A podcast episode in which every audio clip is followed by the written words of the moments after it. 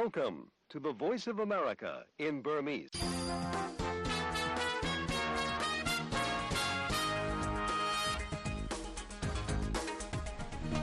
မင်္ဂလာမနက်ခင်းပါခင်ဗျာ2024ခုနှစ်ဖေဖော်ဝါရီလ29အင်္ဂါနေ့မနက်ပိုင်း6နာရီကနေ9နာရီထိ VOA မြန်မာဘိုင်းရဲ့ရုပ်သံအစီအစဉ်တွေကို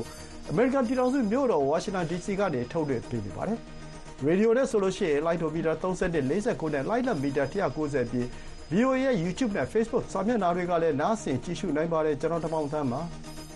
ဂါဇာတောင်ပိုင်းရာဖာကိုမြေပြင်ထိုးစစ်မဆင်ခင်အရသားထောင်ပေါင်းများစွာဘေးလွရာကဲထုတ်မဲ့အစီအစဉ်တရက်ကိုအစ္စရေးဝန်ကြီးချုပ်ယုံကထုတ်ပြန်ပါတယ်။နေမြေပိုင်နဲ့ညှင်းပွားနေကြတဲ့တောင်တရုတ်ပင်လယ်ပြင်တွင်းကစကာဘရိုရှိုးကျွန်းဟာသူ့ပိုင်နေမြေဖြစ်တယ်ဆိုပြီးတော့တရုတ်နိုင်ငံသားဌာနကထပ်လောင်းပြောဆိုပါတယ်။ရခိုင်ပြည်နယ်တွင်းကမင်းပြားနဲ့ရန်ပြဲမြို့နယ်တွေမှာစစ်ကောင်စီတပ်စခန်းတွေကိုအေးရခိုင်တပ်တော်ကတိုက်ခိုက်နေတာမလို့တိုက်ပွဲတွေပြင်းထန်နေပါတယ်။ အဲဒီလိုထိပ်တန်းရောက်သတင်းတွေပြင်မြန်မာနိုင်ငံကအွန်လိုင်းအလိမ်ညာလုပ်ငန်းမှာပိတ်မိနေခဲ့တဲ့ယူဂန္ဓာနိုင်ငံသားတွေအကြောင်းဆောင်ရွက်စာတမ်းမရှိဘဲလာရောက်ကြသူတွေကိုပြန်ပို့မဲ့မလေးရှားနိုင်ငံရဲ့အစည်းအဝေးအမေရိကန်နိုင်ငံရေးမှာရုရှားကအဓိကကျလာပုံလူမဲတွေရဲ့ပကြီးအမှုပညာပြပွဲနယူးယောက်မြို့ကယူကရိန်းခောက်ကန်ရေးစစ်ဂီတပွဲတော်စတဲ့သတင်းဆောင်ပွားတွေကိုလည်းတင်ပြပါအောင်မယ်အပတ်စဉ်အစီအစဉ်တွေမှာတော့သတင်းတော်မဆုစီပွားရေး လူမှုရှုခင်းတဲ့တတ်တရောင်သတင်းလွှာတွေကိုရှုစားနားဆင်ကြမှာပါအခုတော့ထိတ်တန်းရောက်သတင်းတွေကိုနန်းလောင်ကကြောပြပေးပါဦးမယ်ကာဇာတောင်ပိုင်းရာဖာမြို့မှာချက်ကူယူထားတဲ့ဟာမတ်စ်တို့ကိုမြေပြင်ထိုးစစ်မဆင်ခင်အဲ့ဒီကထောင်ပေါင်းများစွာသောအရက်သားတွေပေးလို့ရရှောင်တိန်နိုင်မဲ့အစီအစဉ်တရက်ကိုအစ္စရေးဝန်ကြီးချုပ်ဘန်ဂျမန်နာတန်ယာဟုရုံးကတနင်္လာနေ့မှာထုတ်ပြန်ပါတယ်။အဲ့ဒီကအရက်သားတွေကိုရွှေ့ပြောင်းမဲ့နေရာကိုတော့ပြောမထားပါဘူး။ အစ္စရေးရဲ့အဓိကမဟာမိတ်အမေရိကန်ပြည်ထောင်စုကတော့အီဂျစ်နိုင်ငံနယ်စပ်အနီးရာဖာမြို့ကဒေသခံပါလက်စတိုင်းသားတွေလုံခြုံပေးကင်းအောင်မဆောင်ရွက်နိုင်သေးခင်မြေပြင်ထိုးစစ်ဆင်တာမလုပ်ဖို့တတိပေးထားပါတယ်။အစ္စရေးဝန်ကြီးချုပ်နေတန်ယာဟုကတော့ရာဖာမြို့ကဟာမတ်စ်တို့ကိုထိုးစစ်ဆင်တိုက်ခိုက်နိုင်ရင်သတင်းပတ်အတွင်းစစ်ပွဲအောင်နိုင်မယ်လို့ပြောပါတယ်။တနင်္လာနေ့ကဝန်ကြီးချုပ်ရုံးကထုတ်ပြန်တဲ့အစီအစဉ်ထဲမှာပါလက်စတိုင်းပြည်သူတွေကိုရွှေ့ပြောင်းမဲ့နေရအသေးစိတ်မပါသလိုအီဂျစ်နိုင်ငံကလည်းတူးနယ်စပ်ပေါက်တွေကိုဖွင့်မပေးနိုင်ဘူးလို့ပြောပါတယ်။ အောက်တိုဘာ9ရက်ကဟာမတ်စ်တို့ရဲ့အကြမ်းဖက်တိုက်ခိုက်မှုမှာအစ္စရေးဘက်ကလူပေါင်း1200သေဆုံးခဲ့ပြီးတဲ့နောက်မြေထဲပင်လယ်တလျှောက်ကျင်းမြောင်းတဲ့နေမြေပေါ်ကဂါဇာဒေသကိုအစ္စရေးဘက်ကအကြီးအကျယ်တံပြန်ထိုးစစ်ဆင်နေတာဖြစ်ပါတယ်။ယူကရိန်းကိုကျူးကျော်တိုက်ခိုက်နေတဲ့ရုရှားနိုင်ငံကဒီစစ်ပွဲမှာအနိုင်ရမှာမဟုတ်ဘူးလို့ပြင်သစ်သမ္မတအမန်နျူယ်မက်ခရွန်ကဖေဖော်ဝါရီလ26ရက်နေ့မှာပြောပါတယ်။ Aujourd'hui, pas simplement à une date qui marque un peu plus des deux ans du début de cette guerre d'agression ယူကရိန်းစစ်ပွဲမှာ ရုရှားကအနိုင်ရမှာမဟုတ်သလို အနိုင်ရတဲ့စစ်ပွဲမျိုးလည်း မဟုတ်ပါဘူး။ယူကရိန်းလုံခြုံရေးအတွက် ကျွန်တော်တို့ ပူးပေါင်းဆောင်ရွက်နေပါတယ်။ကျွန်တော်တို့နိုင်ငံရဲ့ လုံခြုံရေးကိုပါ ထည့်သွင်းဆွေးနွေးနေပါတယ် လို့ ပြင်သစ်သမ္မတမက်ခရွန်ကပြောဆိုသွားတာပါ။ယူကရိန်းစစ်ပွဲကို အနိုင်ရလိမ့်မယ်ဆိုပြီးတော့ရုရှားသမ္မတ ဗလာဒီမီယာပူတင်က ပြောဆိုနေတာပါ။ ဥရောပနိုင်ငံ20ကခေါင်းဆောင်တွေကတော့ယူကရိန်းကိုစုပေါင်းအားနဲ့ပူးပေါင်းကူညီနိုင်ရေးပြည်သစ်နိုင်ငံပါရီမြို့မှာတနင်္လာနေ့ကစတင်ပြီးတွေ့ဆုံဆွေးနွေးနေတာဖြစ်ပါတယ်။ပြီးခဲ့တဲ့သတင်းပတ်တွေအတွင်းရုရှားရဲ့ထိုးစစ်တွေပြင်းထန်လာချိန်မှာပဲယူကရိန်းအတွက်လက်နက်ခဲယမ်းတွေတိုးမြှင့်ကူညီနိုင်ရေးဆိုတဲ့အချက်ကိုလည်းပြင်သစ်သမ္မတကဥရောပခေါင်းဆောင်တွေကိုဖိတ်ကြားဆွေးနွေးနေတာပါ။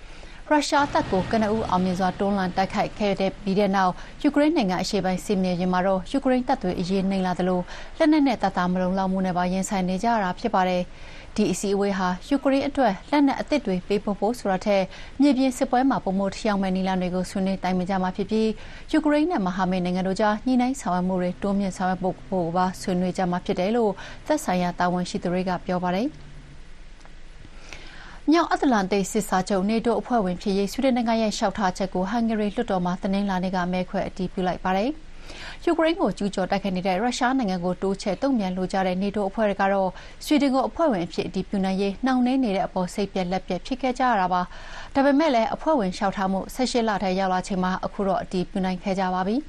ဟန်ဂေရီအစိုးရကလတွေနဲ့ချီကန့်ကွက်နေတာကိုလွှတ်တော်အမတ်တွေကထောက်ခံမဲ188မဲကန့်ကွက်မဲ6မဲနဲ့မဲခွဲထောက်ခံလိုက်ကြတာဖြစ်ပါတယ်။ဆွီဒင်ကိုနေတိုးအဖွဲ့ဝင်အဖြစ်ထောက်ခံရေး2022ခုနှစ်ဇူလိုင်လကတည်းကဝန်ကြီးချုပ်ဗစ်တာအိုဘန်အစိုးရအဖွဲ့ကတင်သွင်းထားတာဖြစ်ပါတယ်။ဒါပေမဲ့လည်းအာဏာရပါတီကလွှတ်တော်မှာဆန့်ကျင်ကန့်ကွက်နေခဲ့တာကြောင့်ရှေ့ဆက်မတိုးနိုင်ပဲကြန့်ကြာနေခဲ့တာဖြစ်ပါတယ်။အဖွဲ့ဝင်30နိုင်ငံစလုံးရဲ့ထောက်ခံမှုရမှသာနေတိုးအဖွဲ့ဝင်ဖြစ်ခွင့်ရှိတာပါ။ ဆွီဒင်ရဲ့လျှောက်ထားမှုကိုတူရကီနိုင်ငံကပြီးခဲ့တဲ့လမှာထောက်ခံခဲ့ပြီးတဲ့နောက်ဟန်ဂေရီနိုင်ငံကအခုလိုနောက်ဆုံးမဲခွဲထောက်ခံလိုက်ကြတာဖြစ်ပါတယ်။ဆွီဒင်ဝန်ကြီးချုပ် Olof Kristersson ကတော့ဒါဟာသမိုင်းဝင်နေ့တနေ့ဖြစ်တယ်လို့ပြောဆိုခဲ့ပါတယ်။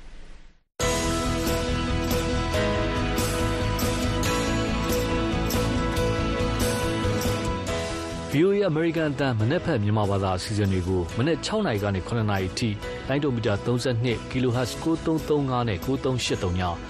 လိုင်းဒိုမီတာ 49 kHz 6153 ညပထမနာရီဝက်မှာလိုင်းလံမီတာ190 kHz 1505တို့ကနေပြီးထုတ်လွှင့်ပေးနေပါတယ်ခင်ဗျာ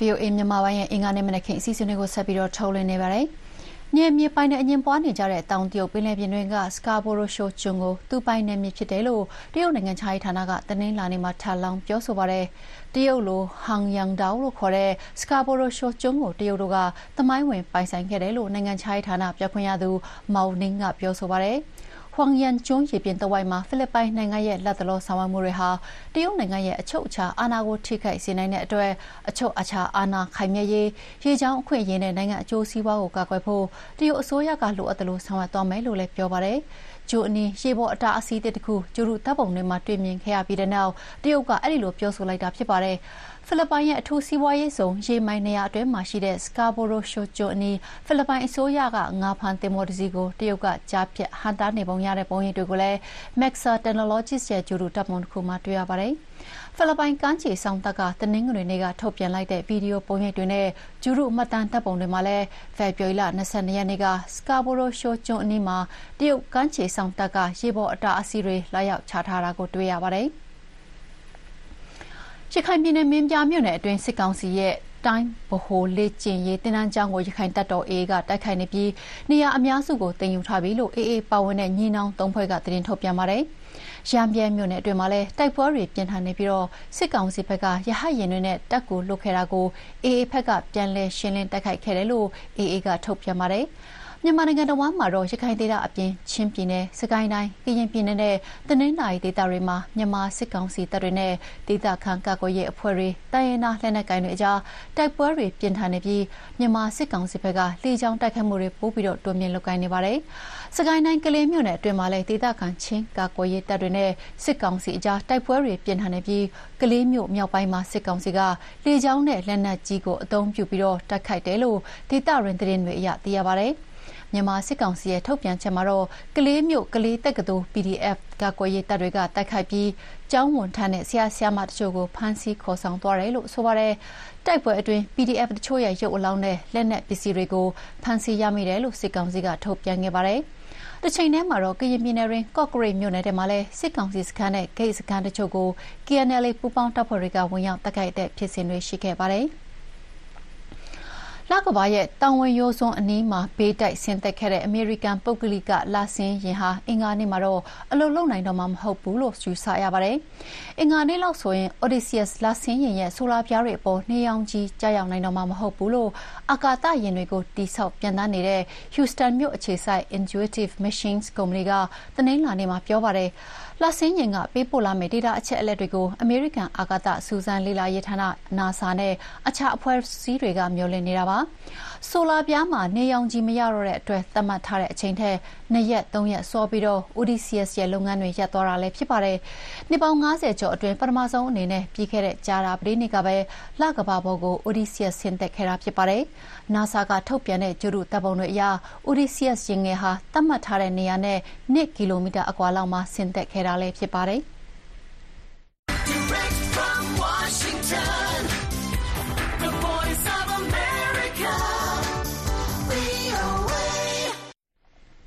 မနက်ခင်းနောက်ဆုံးရသတင်းတွေကိုနန်းလောင်ကြည့်ကြပေးခဲ့တာပါအခုဆက်လက်ပြီးသတင်းဆောင်ပါတွေကိုတင်ဆက်ပါတော့မယ်မြန်မာနိုင်ငံမှာယူဂန်ဒါနိုင်ငံသားအယောက်30လောက်ဟာအွန်လိုင်းလိမ်လည်သူတွေအဖြစ်အတင်းအဓမ္မအလုပ်စိတ်ခိုင်းခံရတယ်လို့ယူဂန်ဒါအစိုးရကပြောပါတယ်အွန်လိုင်းလိမ်လည်တဲ့ရာဇဝတ်ဂိုင်းတွေကသူတို့ကိုအလုံးနဲ့မြလိန်ခေါ်ဖမ်းဆီးထားတယ်လို့လည်းတာဝန်ရှိသူတွေကဆိုပါတယ်အဲ့ဒီတက်ကလွတ်မြောက်လာသူတချို့နဲ့ဟာလီမာအတူမာနီနဲ့မူကာဆာဖရန့်စစ်တို့တွေ့ဆုံပေးပြထားတာကိုကိုချင်းချမ်းက တင်ပြပေးမှာပါ။ IT နည်းပညာကျွမ်းကျင်သူတဦးဖြစ်တဲ့ Francis Magisha ဟာ အာရှမှာငရဲကျခံရပြီး ယူဂန်ဒါကို ပြန်ရောက်လာတာပါ။လာအိုနိုင်ငံမှာ Data Manager နဲ့ IT ကျွမ်းကျင်သူအဖြစ် အလုပ်စတင်ခဲ့တာပါ။သူရောက်ပြီး မကြာခင်မှာပဲ သူ့သူဌေးတွေက တရုတ်ယွမ်ငွေနဲ့ဆိုရင် ၁၆,၀၀၀၊အမေရိကန်ဒေါ်လာနဲ့ဆိုရင် ၂,၂၀၀ ကျော် အကြွေးတင်နေတယ်လို့ ပြောခဲ့ပါတယ်။အဲဒီနောက် သူ့အလုပ်အခြေအနေတွေလည်း ရုတ်တရက် ပြောင်းသွားခဲ့ပါတယ် တယောက်ကကျွန်တော့်ကိုလာပြီးမင်းဟာငါ့ကျွန်ပဲငါ့အတွက်အလုပ်လုပ်ပေးရမယ်လို့ပြောတာမျိုးဘယ်တုန်းကမှမမျှော်လင့်ထားပါဘူး။သူ့နိုင်ငံကူးလက်မှတ်နဲ့ဖုန်းတွေကိုသိမ်းထားပြီးမြန်မာနိုင်ငံမှာရှိတဲ့ကုမ္ပဏီတခုကိုရောင်းစားခံခဲ့ရတယ်လို့မာဂီရှာကပြောပါတယ်။အဲဒီကိုရောက်ဖို့မဲခေါင်မြစ်ကတဆင့်လှေနဲ့ပို့ပေးခဲ့ပြီးဒေတာတွေကိုစီမံရမယ့်အစားအွန်လိုင်းလိမ်လည်မှုတွေလုပ်ဖို့အတင်းစေခိုင်းခံခဲ့ရတယ်လို့သူကပြောပါတယ်။ဒီဗီဒီယိုမှာဆိုရင်စစ်ဝတ်စုံဝတ်ထားတဲ့သူတွေက မဂူရှာလိုလူငယ်တွေကိုအွန်လိုင်းလိမ်လည်မှုလုပ်တဲ့ဝင်းထဲကိုကားနဲ့လိုက်ပို့နေတာပါ။ခက်ခဲကြမ်းတမ်းတဲ့အခြေအနေတွေအောက်မှာအချိန်အကြာကြီးအတင်းအလုပ်လုပ်ခိုင်းခံခဲ့ရတယ်လို့မဂီရှာကပြောပါတယ်တနေ့ကိုလူတယောက်လောက်မှမရဘူးဆိုရင်အဲ့ဒီနေ့ကိုအလုပ်မဖြစ်ဘူးလို့သူတို့ကသတ်မှတ်ပါတယ်။အဲ့ဒီအတွက်အပြစ်ပေးခံရပါတယ်။ဓာတ်နဲ့တိုးခံရပါတယ်။ရိုက်ခံရပါတယ်။ပိတ်လောင်တာလည်းခံရပါတယ်။တခါတလေထိုင်ကုန်မှာကျိုးနဲ့တုတ်ထားပါတယ်။ ကျွန်တော်မလုံနိုင်ပါဘူးပြန်ကျင်တယ်လို့ပြောရင်ထိုင်ကုန်မှာကျိုးနဲ့တုတ်ထားတာပါ။သူတက်နိုင်သလောက်လူတွေအများကြီးကိုဆက်သွယ်ခဲ့ပြီးတဲ့နောက်ထွက်လာလို့ရခဲ့တယ်လို့မဂီရှာကပြောပါတယ်။နိုင်ငံတကာတန်ယုံတွေနိုင်ငံတကာတရားမျှတမှုမစ်ရှင် NGO အဖွဲ့နဲ့မြန်မာပြည်မှာရှိတဲ့ယူဂန်ဒါတန်ယုံတွေကိုသူကဆက်သွယ်ခဲ့တာပါစစ်ကောင်စီကိုစန့်ကျင်တဲ့တပုံလက်နက်ကင်အဖွဲ့တွေထိန်းချုပ်ထားတဲ့ မြန်မာနိုင်ငံက အွန်လိုင်းလိမ်လည်တဲ့နေရာတွေမှာ အလားတူအခြေအနေမျိုးနဲ့ ယူဂန်ဒါနိုင်ငံသား အယောက်30လောက်ဟာ အဖမ်းခံနေရတယ်လို့ ယူဂန်ဒါတာဝန်ရှိသူတွေက ပြောပါတယ် ဒီလို လိမ်ညာတဲ့ ရာဇဝတ်ဂိုင်းတွေဟာ တရုတ်နိုင်ငံသားတွေဥဆောင်လုပ်ကင်နေတာဖြစ်ပြီးတော့ ကင်ညာနိုင်ငံကတားကောင်အဖြစ်ခံရသူတွေကို မှောင်ခိုပို့ဆောင်လေးရှိတယ်လို့ တာဝန်ရှိသူတွေက ပြောပါတယ်။အာရှကိုရောက်ရင်တော့ ဒီလူတွေဟာ ရာဇဝတ်ဂိုင်းတွေလက်ထဲကြားရောက်တာပါ။ ဒဲရစ်ဘတ်ဆာလီဝါကီဂန်ယီဟာ ယူဂန်ဒါနိုင်ငံက လူကုန်ကူးမှု တားဆီးရေးလူညှိနှိုင်းရေးမှုဖြစ်ပြီးတော့ယူဂန်ဒါတာဝန်ရှိသူတွေဟာ ဒီကိစ္စကို မြန်မာစစ်ကောင်စီအကြီးအကဲ ဗိုလ်ချုပ်မှုကြီး မင်းအောင်လှိုင်နဲ့ ဆွေးနွေးတဲ့အခါမှာတော့ ပြန်လွတ်လာတဲ့ ယူဂန်ဒါနိုင်ငံသားတွေကို လူဝင်မှုကြီးကြပ်ရေး ဥပဒေတွေနဲ့ အရေးမယူပါဘူးလို့ ကတိပေးခဲ့တယ်လို့ကီကန်ဂျီကပြောပါတယ်။ But of course they also acknowledge that နောက်ပြီးအဲ့ဒီနေရာတွေကသဘုံတွေထိန်းချုပ်ထားတဲ့နယ်မြေဆိုတာကိုသူတို့ကလည်းသိမှပြုပါတယ်။ဒါကြောင့်ပြည်သူစစ်တွေနဲ့ပတ်သက်တဲ့ဥပဒေမဲမှုတွေဟာတိတ်ကိုရှုပ်ထွေးပါတယ်။မြန်မာစစ်ကောင်စီပြောခွင့်ရကိုဒီကိစ္စနဲ့ပတ်သက်ပြီးမေးမြန်းတဲ့အခါမှာတော့ဘာမှတုံ့ပြန်တာမရှိသေးပါဘူးတရုတ်ပြည်ပြင်ပကလူတွေကိုလိမ်ဖို့အတွက်အင်္ဂလိပ်စကားနဲ့တခြားဘာသာစကားပြောနိုင်တဲ့လူတွေကိုရာဇဝတ်ဂိုင်းတွေကပြစ်မှတ်ထားတဲ့အကြောင်းလူကုန်ကူးမှုတိုက်ဖျက်ရေးစေတနာဝန်ထမ်းအဖွဲ့တီထောင်သူမီနာချန်းကပြောပါတယ် East Africans do speak good English အရှိအာဖရိကကလူတွေကအင်္ဂလိပ်လိုကောင်းကောင်းပြောတတ်ပါတယ်ဒါကြောင့်လိမ်ဖို့အတွက်ဆိုရင်တော့ပိုးပြီးတော့လွယ်သွားပါတယ်တရုတ်လူမျိုးတွေမကတခြားလူမျိုးတွေကိုပြစ်မှတ်ထားနိုင်တာပါတခါတလေမှာတော့ရာဇဝတ်သားတွေကခံလိုက်ရတဲ့သူတွေကိုသုံးပြီးဗီဒီယိုကောနဲ့ပြောဖို့နောက်ထပ်လိမ်ဖို့တားကောင်တွေကိုရှာတတ်ပါတယ်အင်္ဂလိပ်လိုပြောတတ်တဲ့သူလိုတယ်မလားအင်္ဂလိပ်စကားမပြောတတ်တဲ့တရုတ်တယောက်ကိုလှုပ်ခိုင်းမယ်ဆိုရင်မလွယ်ဘူးဖြစ်သွားမယ်လေ မြန်မာနိုင်ငံမှာ ဒီလိုလိမ်လည်တဲ့ ရာဇဝတ်မှုတွေဟာ အကျင့်ပြတ်ခြစားမှုတွေကြောင့် အကာအကွယ်ရနေပြီး စစ်ကောင်စီနဲ့တပုံထိန်ချုပ်တဲ့နေရာတွေမှာ တရုတ်ရာဇဝတ်ဂိုင်းတွေက ခိုလုံနေကြတာလို့ ချမ်းက ပြောပါတယ်ခင်ဗျာ မြန်မာနိုင်ငံရောက် ယူဂန်ဒါနိုင်ငံသားတွေရဲ့ သတင်းကနေ မလေးရှားရောက် မြန်မာနိုင်ငံသားတွေရဲ့ သတင်းကို ဆက်ပြီးကြည့်ကြအောင်ခင်ဗျာ အထောက်ထားမဲ့နေထိုင်နေကြတဲ့နိုင်ငံခြားသားတွေကိုသက်ဆိုင်ရာတိုင်းုံတွေရဲ့ထောက်ခံချက်နဲ့နေရက်ပြန်ပို့မဲ့အစီအစဉ်ကိုအခုလာမယ့်မတ်လ၁ရက်ကစပြီးလုပ်သွားမယ်လို့မလေးရှားအစိုးရကကြေညာထားပါတယ်။အထောက်ထားမဲ့နေထိုင်သူတွေထဲမှာမြန်မာနိုင်ငံသားတွေလည်းအများအပြားရှိနေပြီးပြန်ကြည့်သူနည်းပါးကြောင်းမလေးရှားရောက်မြန်မာအလုပ်သမားတွေကပြောကြပါတယ်။ဒီအကြောင်းသတင်းပေးပို့ထားတာကိုကိုသားညွန့်ဦးကပြောပြမှာပါ။ မလေးရှားနိုင်ငံမှာ အထောက်ထားမဲ့နေထိုင်နေကြတဲ့ နိုင်ငံခြားသားတွေကို ဖမ်းဆီးထောင်ချတာတွေမလုပ်ဘဲ သက်ဆိုင်ရာသံရုံးရဲ့ နိုင်ငံသားဖြစ်ကြောင်း ထောက်ခံချက် CI နဲ့ မတ်လ ၁ ရက်နေ့ကစပြီး နေရပ်တွေကိုပြန်ခွင့်ပေးသွားမယ်လို့ မလေးရှားပြည်ထဲရေးဝန်ကြီး Saifuddin Ismail က မကြာသေးခင်က အသိပေးပါတယ်။စည်းကမ်းဖောက်ဖျက်မှုတွေအတွက် Ringgit ၃၀၀ ကနေ ၅၀၀ အထိ ဒဏ်ငွေအသီးသီးပေးဆောင်ပြီးတာနဲ့ ပြန်လို့ရမယ်လို့ ဆိုပါတယ်။ဒါပေမဲ့လည်း မြန်မာနိုင်ငံမှာ စစ်မှုထမ်းဥပဒေ အသက်ဝင်လာတဲ့အတွက် ပြန်ဖို့စီစဉ်ထားသူတွေတောင်မှစဉ်းစားခက်တဲ့အခြေအနေမျိုးကြုံနေကြရတယ်လို့မလေးရှားကမြန်မာလူမှုကူညီရေးအသင်းတစ်ခုရဲ့တာဝန်ခံက VOA ကိုပြောပါတယ်။ဟုတ်တယ်သူတို့မက်ဆာတဲ့နေ့မှာဒီနိုင်ငံ overstay ပေါ့သူပြန်မလို့နိုင်ပေါ့သူတို့အဲ့လိုပြောထားတယ်သူတို့လူတွေနဲ့ချင်းချင်းစီဝေးမှာပြောတယ်သူသူကကြော်ညာတာနဲ့တန်ကြီးပြည်ဆောင်ကားတွေပါဟိုရက်သက်မဲ့တဲ့ခါမှာတခါလေးကြော်ညာပါလိမ့်မယ်ကျွန်တော်အဲ့လိုပဲထင်ပါတယ်ဒါပေမဲ့နောက်တစ်ချက်ကဒီကျွန်တော် ဟိုဒီကိုနိုင်ငံကြီးထားတဲ့အချိန်နဲ့ဒီနေ့လည်းဆိုရတဲ့ခါမှာဟိုပြန်ပြီးမပြန်ပြီးဆိုတော့တွေ့ဝေးနေတာပေါ့လူငယ်တွေအဲ့လိုဖြစ်နေပါတယ်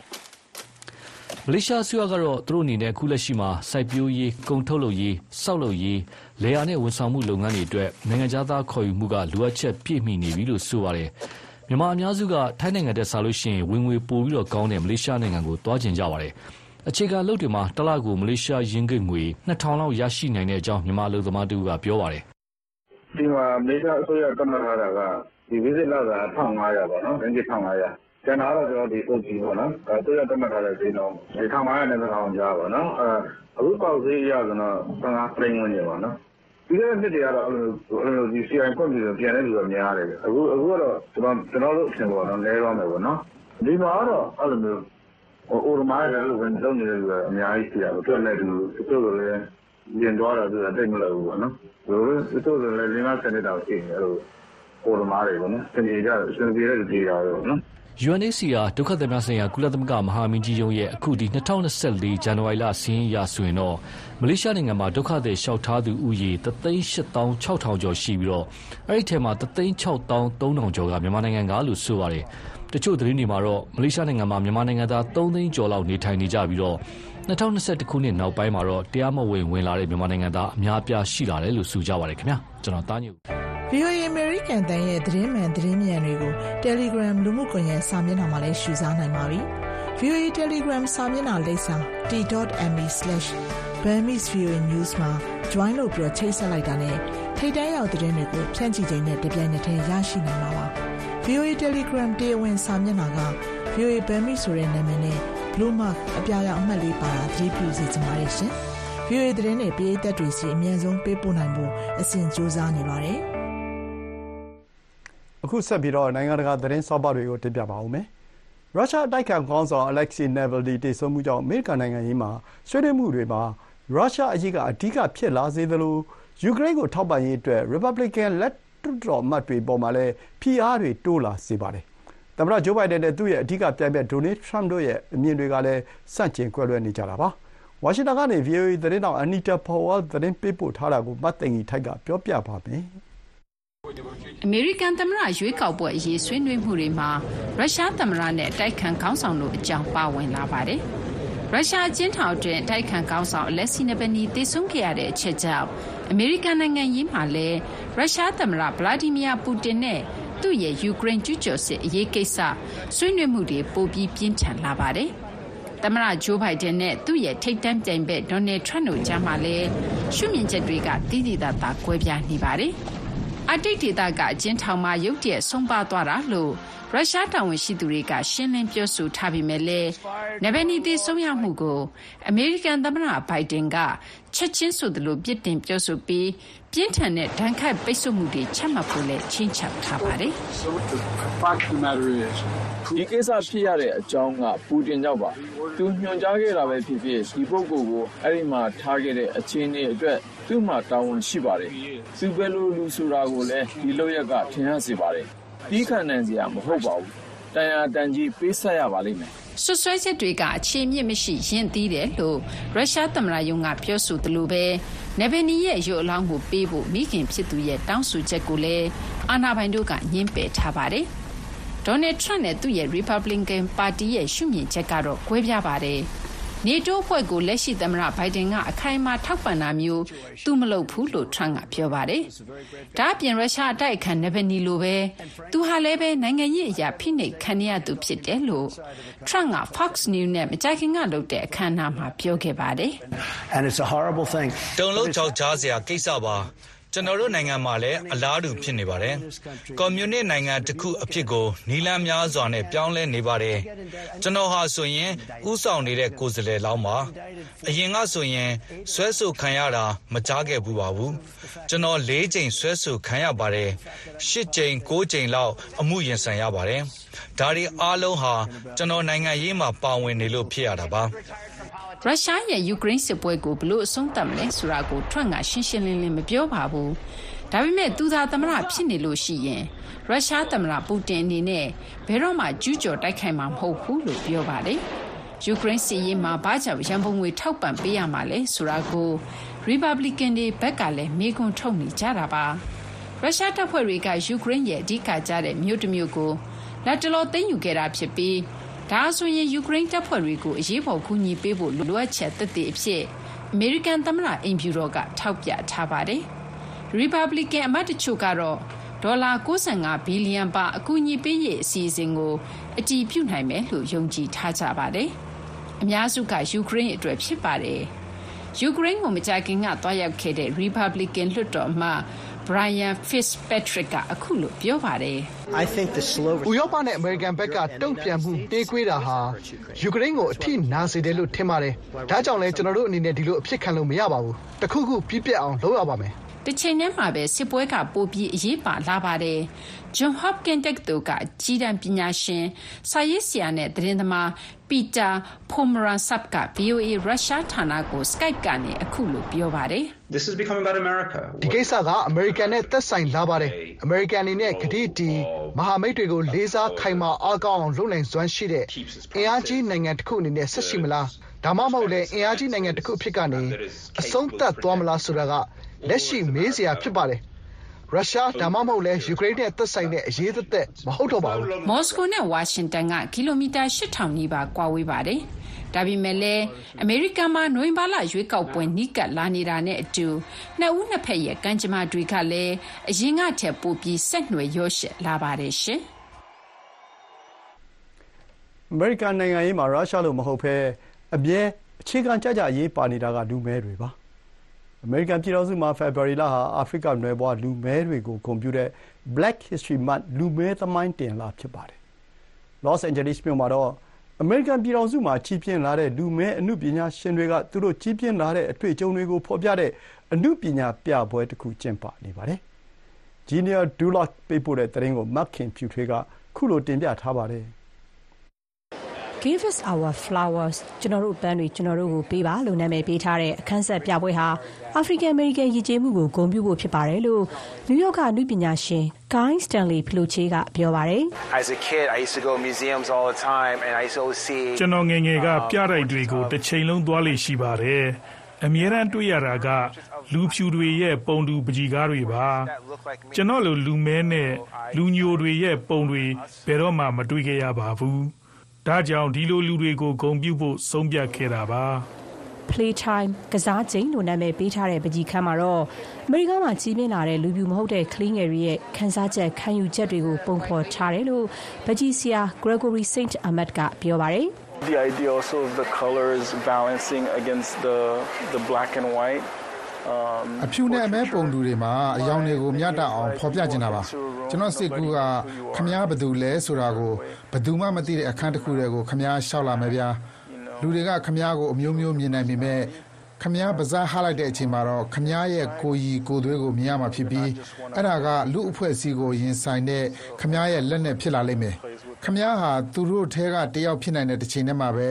အဲဒီလူကိုယ်တိုင်လည်း ဖြစ်နိုင်ပါတယ်။ ကျနော့်လက်ရာအားလုံးကဒီစိတ်ကူးမှာအခြေခံပါတယ်။”ဂျမေကာနိုင်ငံမှာမွေးတဲ့ O'Neil Scott ကတော့သူကလေးဘဝကအမေရိကန်ပြည်ထောင်စုကိုပြောင်းရွှေ့လာခဲ့တဲ့အမှတ်တရတွေနဲ့နိုင်ငံသစ်မှာနေသားကျဖို့ကြိုးစားခဲ့ရတဲ့အကြောင်းတွေကိုသူ့လက်ရာတွေမှာထင်ဟပ်ဖော်ပြထားတယ်လို့ပြောပါတယ်။“ အာဖရိကန်-အမေရိကန်တယောက်အနေနဲ့ ဒီကမ္ဘာကြီးမှာ ကိုယ်က ဘယ်လမ်းကိုလျှောက်မလဲဆိုတာကို သတိရှိရှိနဲ့ သေချာနားလည်ဖို့ အရေးကြီးပါတယ်။ဒါက ကျနော်တို့ခေါင်းထဲ မပြတ်တွေးနေရတဲ့အရာတွေထဲကတခုပါ။ကိုယ် ဘယ်လိုခံယူချက်နဲ့ လျှောက်မလဲဆိုတာ အမြဲတွေးနေရပါတယ်။”ပန်းချီဆရာ Serron Green ကတော့ အမေရိကန်လူမည်းတွေဟာ မသိကျိုးကျွန်ပြုခံရတာကိုရော အလွန်အကျူး မြင်သာခံရတာရော နှစ်မျိုးစလုံးနဲ့ ကြုံကြရတယ်လို့ ပြောပါတယ်။“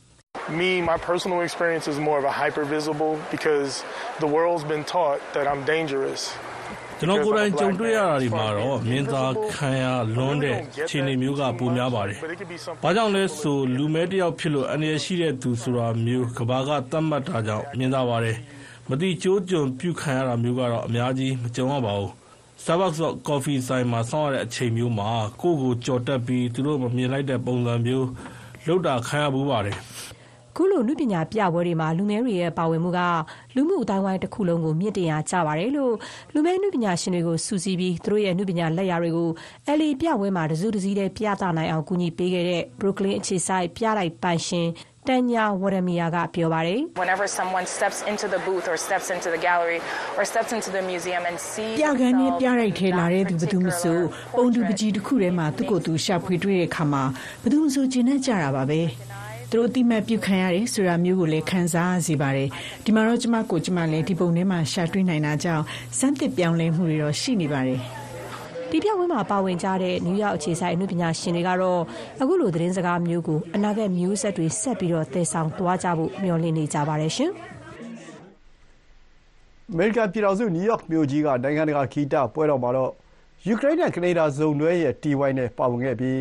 ရုရှားကျူးကျော်စစ်ခုခံတော်လှန်ရေးအင်အားအကြောင်းကို သီးဆိုဖျော်ဖြေခဲ့ပါတယ်။ဇန်နဝါရီလနှောင်းပိုင်းက ကျင်းပခဲ့ကြတဲ့ Global Fest နိုင်ငံတကာ ဂီတပွဲတော်မှာ တီးဝိုင်းအဖွဲ့ ၁၀ ဖွဲ့ ဖျော်ဖြေခဲ့ကြပြီး အဲဒီ Balaclava Blues တီးဝိုင်းဟာလည်း တခုအပါအဝင် ဖြစ်တဲ့အကြောင်း Jody Recchi နယူးယောက်မြို့က ပေးပို့ထားတဲ့သတင်းကို ကိုခင်မောင်စိုးမင်း က ပြောပြပါမယ်။ နယူးယောက်မြို့တော်ကြီးရဲ့လင်ကွန်းစင်တာအဆောက်အုံတဲကအမှုပညာခမ်းမကြီးထဲမှာ မော်ရိုကို ပြင်သစ်ဘာအယ်ဘရူးရော့ဂီတာတီဝိုင်းရဲ့ တီးခတ်ဖျော်ဖြေမှု ဖြစ်ပါတယ်။ ဒါ့အပြင် အိန္ဒိယအမေရိကန် ဂီတပညာရှင် Cass Kelly ရဲ့ ဖျော်ဖြေမှုကိုလည်း ရှုစားကြရပါတယ်။ဒီလိုနဲ့ ကမ္ဘာဒေသအစုံက ဂီတသုခုမာတွေကို တဝါကြီး ကြည့်ရှုခန်းစားကြရပါတယ်။ဒါနဲ့ပတ်သက်ပြီး အဲ့ဒီပွဲတော်ရဲ့ တွဲဘက်ဒါရိုက်တာ Isabel Sofa ကအခုလို ပြောပါတယ်။ Music is a key way to um really for artists နုပညာရှင်တွေအတွက်သူတို့ရဲ့ခံစားချက်တွေကိုဖော်ပြဖို့အတွက်ဂီတတစ်ခုမှဟာအခရာကျပါတယ်။ဒါ့အပြင်ကဘာကြီးကလည်းသူတို့ရဲ့အနာတဝိုင်းမှာဘာတွေဖြစ်နေလဲဆိုတာကိုတကယ်ကိုနားလေသိမြင်နိုင်ဖို့ပါပဲ။နယူးယောက်မြို့ကကမ္ဘာကုံသွေးအဆောက်အုံကြီးတွေလေရင်နဲ့တိုက်ခိုက်ခံခဲ့ရတဲ့9/11ပြီးတဲ့နောက်အချိန်နှဲငယ်အတွင်း Global Fest အဖွဲ့ကြီးကိုတည်ထောင်ခဲ့ပါတယ်။ အဲဒီနောက်2003ခုနှစ်မှာ ကမ္ဘာတဝန်းပြိပခဖြစ်ပွားနေတာတွေကို ဂီတအမှုပညာယဉ်ကျေးမှုနဲ့မိမောင်းထိုးပြဖန်တီးဖို့ ရည်ရွယ်ခဲ့ကြပါတယ်။ဒါနဲ့ပတ်သက်ပြီးလည်း အဲ့ဒီပွဲတော်ရဲ့ တွဲဖက်ဒါရိုက်တာ Isabel Sofa ကအခုလို ပြောပြပါသေးတယ်။ we really feel that it's important ကျမတို့အဖွဲ့အနေနဲ့ခုလို ဂီတအနုပညာပွဲတော်ကိုဥဆောင်ကျင်းပနေရတာကို အရေးပါအရာရအောင် ထူးထူးခြားခြားဆွမ်းဆောင်ပြနေတယ်လို့ တကယ်ကို ခံစားရပါတယ်။ဒါဟာဆိုရင်ရမငွေရရှိရေးကော အများတကာအယုံဆိုင်လာအောင်ရောလှုပ်ဆောင်လိုက်တာနဲ့အတူတူပါပဲ။အခုဒီကပ်ပျော်ပြနေတာကတော့ Lincoln Center အဆောက်အုံထဲမှာရှိတဲ့ David Gavin Hall ဂီတသုခုမပျော်ပြရေးခမ်းမတွေကကနေဒါနိုင်ငံသား Mark နဲ့ယူကရိန်းနိုင်ငံသူ Marichika Masiato သမီးမောင်နှံရဲ့ Beleleva Blue TY အဖွဲ့ရဲ့ဖျော်ဖြေမှုဖြစ်ပါတယ်။သူတို့နှစ်ယောက်ဟာပြီးခဲ့တဲ့2014ခုနှစ်အတွင်းကယူကရိန်းနိုင်ငံမှာရဲတပ်ဖွဲ့ကနေအကြမ်းဖက်ဖြိုခွင်းခံခဲ့ရတဲ့ EU ဥရောပသမဂ္ဂလိုလားတဲ့ဆန္ဒပြပွဲမှာ တွဲဆုံခဲ့ကြတာဖြစ်ပါတယ်။ယူကရိန်းနိုင်ငံကီးရဲ့မြို့မှာမကအဲ့ဒီဆန္ဒပြပွဲအတွင်း လုံခြုံရေးတပ်ဖွဲ့ဝင်တွေတပ်ဖြတ်ခံခဲ့ရတဲ့ ယူကရိန်းနိုင်ငံသားတွေကို ဂုံပြူရိုးရာတခြင်းတီဆိုးနေတဲ့မာရီကာကို ရုပ်ရှင်မှတ်တမ်းရိုက်ကူးခဲ့ပါတယ်။အဲဒီနောက် သူတို့နှစ်ဦးလည်း ချစ်ကြိုက်လက်ထပ်ကြပြီး နိုင်ငံတကာကို ဂီတဖျော်ဖြေပွဲတွေ စတင်ခဲ့ပါတယ်။တစ်ဆက်တည်းမှာ သူတို့ဇနီးမောင်နှံဟာလည်း ကနေဒါနိုင်ငံမှာ အိုးအိမ်အဒီတကျတီထောင်နေစဉ် ပြီးခဲ့တဲ့ အော်တိုဘာလအတွင်းကမာရီကာကရုရှားကျူးကျော်စစ်ကို ခုခံနေတဲ့ သူ့ရဲ့မိခင် ယူကရိန်းနိုင်ငံကို ပြန်သွားပြီး နိုင်ငံတာဝန်တွေကို ထမ်းဆောင်ခဲ့ပါတယ်။ She's a combat medic in eastern Ukraine. She serves for the uh, she's a volunteer ကျွန်တော်ဇနီးက ယူကရိန်းနိုင်ငံရှေ့ပိုင်းမှာ တိုက်ခိုက်ရေးတပ်ကစေမှုတာဝန်ထမ်းဆောင်နေပါတယ်။သူရဲ့ဆန္ဒနဲ့ ယူကရိန်းစစ်ဘက်က အမတ်သုံးတန်ကတက်စုမှာပါ။ အခုဆိုရင် ရုရှားတပ်တွေတိုက်ခိုက်ခံရတဲ့ရဲရွာတွေက ဒေသခံတွေ စွန့်ခွာသွားတဲ့ နေအိမ်တွေမှာပဲ နေထိုင်ရင်း အန်ဒီရဲ့ကြားကနေ သူ့အနေနဲ့ တာဝန်ထမ်းဆောင်နေတာပါ။ ဆုံးရှုံးမှုတွေအကြမ်းဖက်မှုတွေနဲ့အားအင်တွေအကြောင်းကိုရေးဆက်ထားတဲ့ယူကရိန်းတချင်းဂီတကိုလျှက်စစ်တူရိယာတွေနဲ့ပေါင်းဆက်ဖျော်ဖြေနေတာဖြစ်ပါတယ်။အဲဒီလိုအခြေအနေတွေကြောင့်သူ့ရဲ့ဂီတကိုနားဆင်ကြည့်ရှုရသူတွေကိုမတူညီတဲ့စမ်းကျင်ဘက်အနေအထားဖြစ်ပျက်နေတဲ့ကမ္ဘာတချမ်းကအခြေအနေတွေကိုသိရှိနားလည်စေခြင်းတယ်လို့မာဖီကာကပြောပါတယ် that's for sure challenging. It's challenging to be in both worlds because they're so completely different. ကျွန်တော်ဇနီးမှာအခက်အခဲတွေအများကြီးကျော်မှာသိကြပါတယ်။ပြီးခဲ့တဲ့သတင်းပတ်တွေအတွင်းကဘယ်မျိုးဘယ်ရွာကိုချီတက်တိုက်ခိုက်ရမယ်ဆိုတဲ့အထက်ကအမိန့်ကိုဆောင်ရင်းနဲ့သူ့အနေနဲ့ကားထဲမှာပဲအိတ်ခဲ့ရတယ်။ပြစ်ခတ်ပောက်ကွဲနေတဲ့အတန်တွေကိုလည်းအဆက်မပြတ်ကြားခဲ့ရတယ်ရုရှားကျူးကျော်ခံနေရတဲ့ယူကရိန်းခုခံစစ်ကိုကမ္ဘာကသိရှိပြီးအကောင်းဆုံးအကူအညီတွေပေးကြဖို့အခုဖျော်ဖြေတင်ဆက်နေတဲ့ယူကရိန်းတီဝိုင်း Vala Calva Blues ကနေတောင်းဆိုလိုက်ပါတယ်ခင်ဗျာသတင်းမှန်တွေရဖို့အရေးကြီးတဲ့ဒီကနေ့ခေတ်မှာကမ္ဘာကြီးရဲ့ဘယ်ရက်ဒေသမှာပဲရောက်နေပါစေ ခလုတ်တစ်ချက်နှိပ်လိုက်ရုံနဲ့သတင်းမှန်တွေရယူနိုင်ပါပြီလက်ဖြားလေးနဲ့တစ်ချက်တောက်ရုံနဲ့ရယူနိုင်မဲ့သတင်းတွေနိုင်ငံရေးဖြစ်စဉ်တွေတကယ်ဘဝဆက်လန်းတွေ one click ခလုတ်တစ်ချက်နှိပ်ရုံနဲ့ကဘာရက်ရက်ကအတန်တွေကိုချိတ်ဆက်နားဆင်နိုင်မှာဖြစ်ပါတယ်။ဘယ်ချိန်ဘယ်နေရာကပဲဖြစ်ဖြစ် VOA Plus application ကို download ရယူပါ။ VOA ရုပ်သံကနေအင်္ဂါနေ့မနက်ပိုင်းစီစဉ်တွေကိုဆက်လက်ထုတ်လွှင့်နေပါတယ်။ VOA မြန်မာပိုင်းမနက်ဖက်စီစဉ်တွေကိုမနက်6နာရီကနေ9နာရီထိလိုက်ဒိုမီတာ30နဲ့လိုက်ဒိုမီတာ49တို့ကနေထုတ်လွှင့်ပေးနေတာပါ။အခုတော့အပတ်စဉ်အစီအစဉ်တွေကိုသတင်းတော်မှတ်စုနဲ့စတင်ပါတယ်။မြန်မာနိုင်ငံမှာအာဏာသိမ်းစစ်ကောင်စီစတင်အကောင်အထည်ဖော်နေတဲ့ပြည်သူ့စစ်မှုထမ်းဥပဒေကိုဝေဖန်မှုတွေအမျိုးမျိုးရှိနေသလိုပြည်တွင်းမှာရှိကြတဲ့လူငယ်လူရွယ်တွေအတွက်လည်းစိုးရိမ်စရာတွေရှိနေပါတယ်။ရန်ကုန်ကသတင်းထောက်မစုကိုကိုသားညွန့်ဦးကခုလိုတင်ပြထားပါတယ်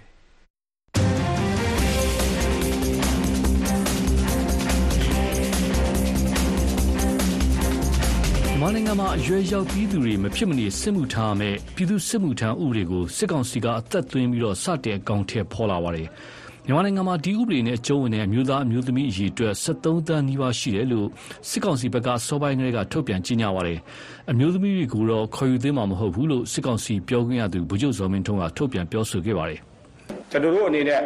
ပြည်သူ့စစ်မှုထမ်းဥပဒေအရ နိုင်ငံတော်ကာကွယ်ရေးတာဝန် ထမ်းဆောင်စေရမှာ ဒီအမျိုးသားဥယျာဉ်နဲ့တွေအတွက်6ပန်းထဲရမှာကျွန်တော်တို့1ရာခိုင်နှုန်း6ပေါင်းနီးပါးလောက်ပဲကျွန်တော်တို့ခေါ်ယူနိုင်မှာ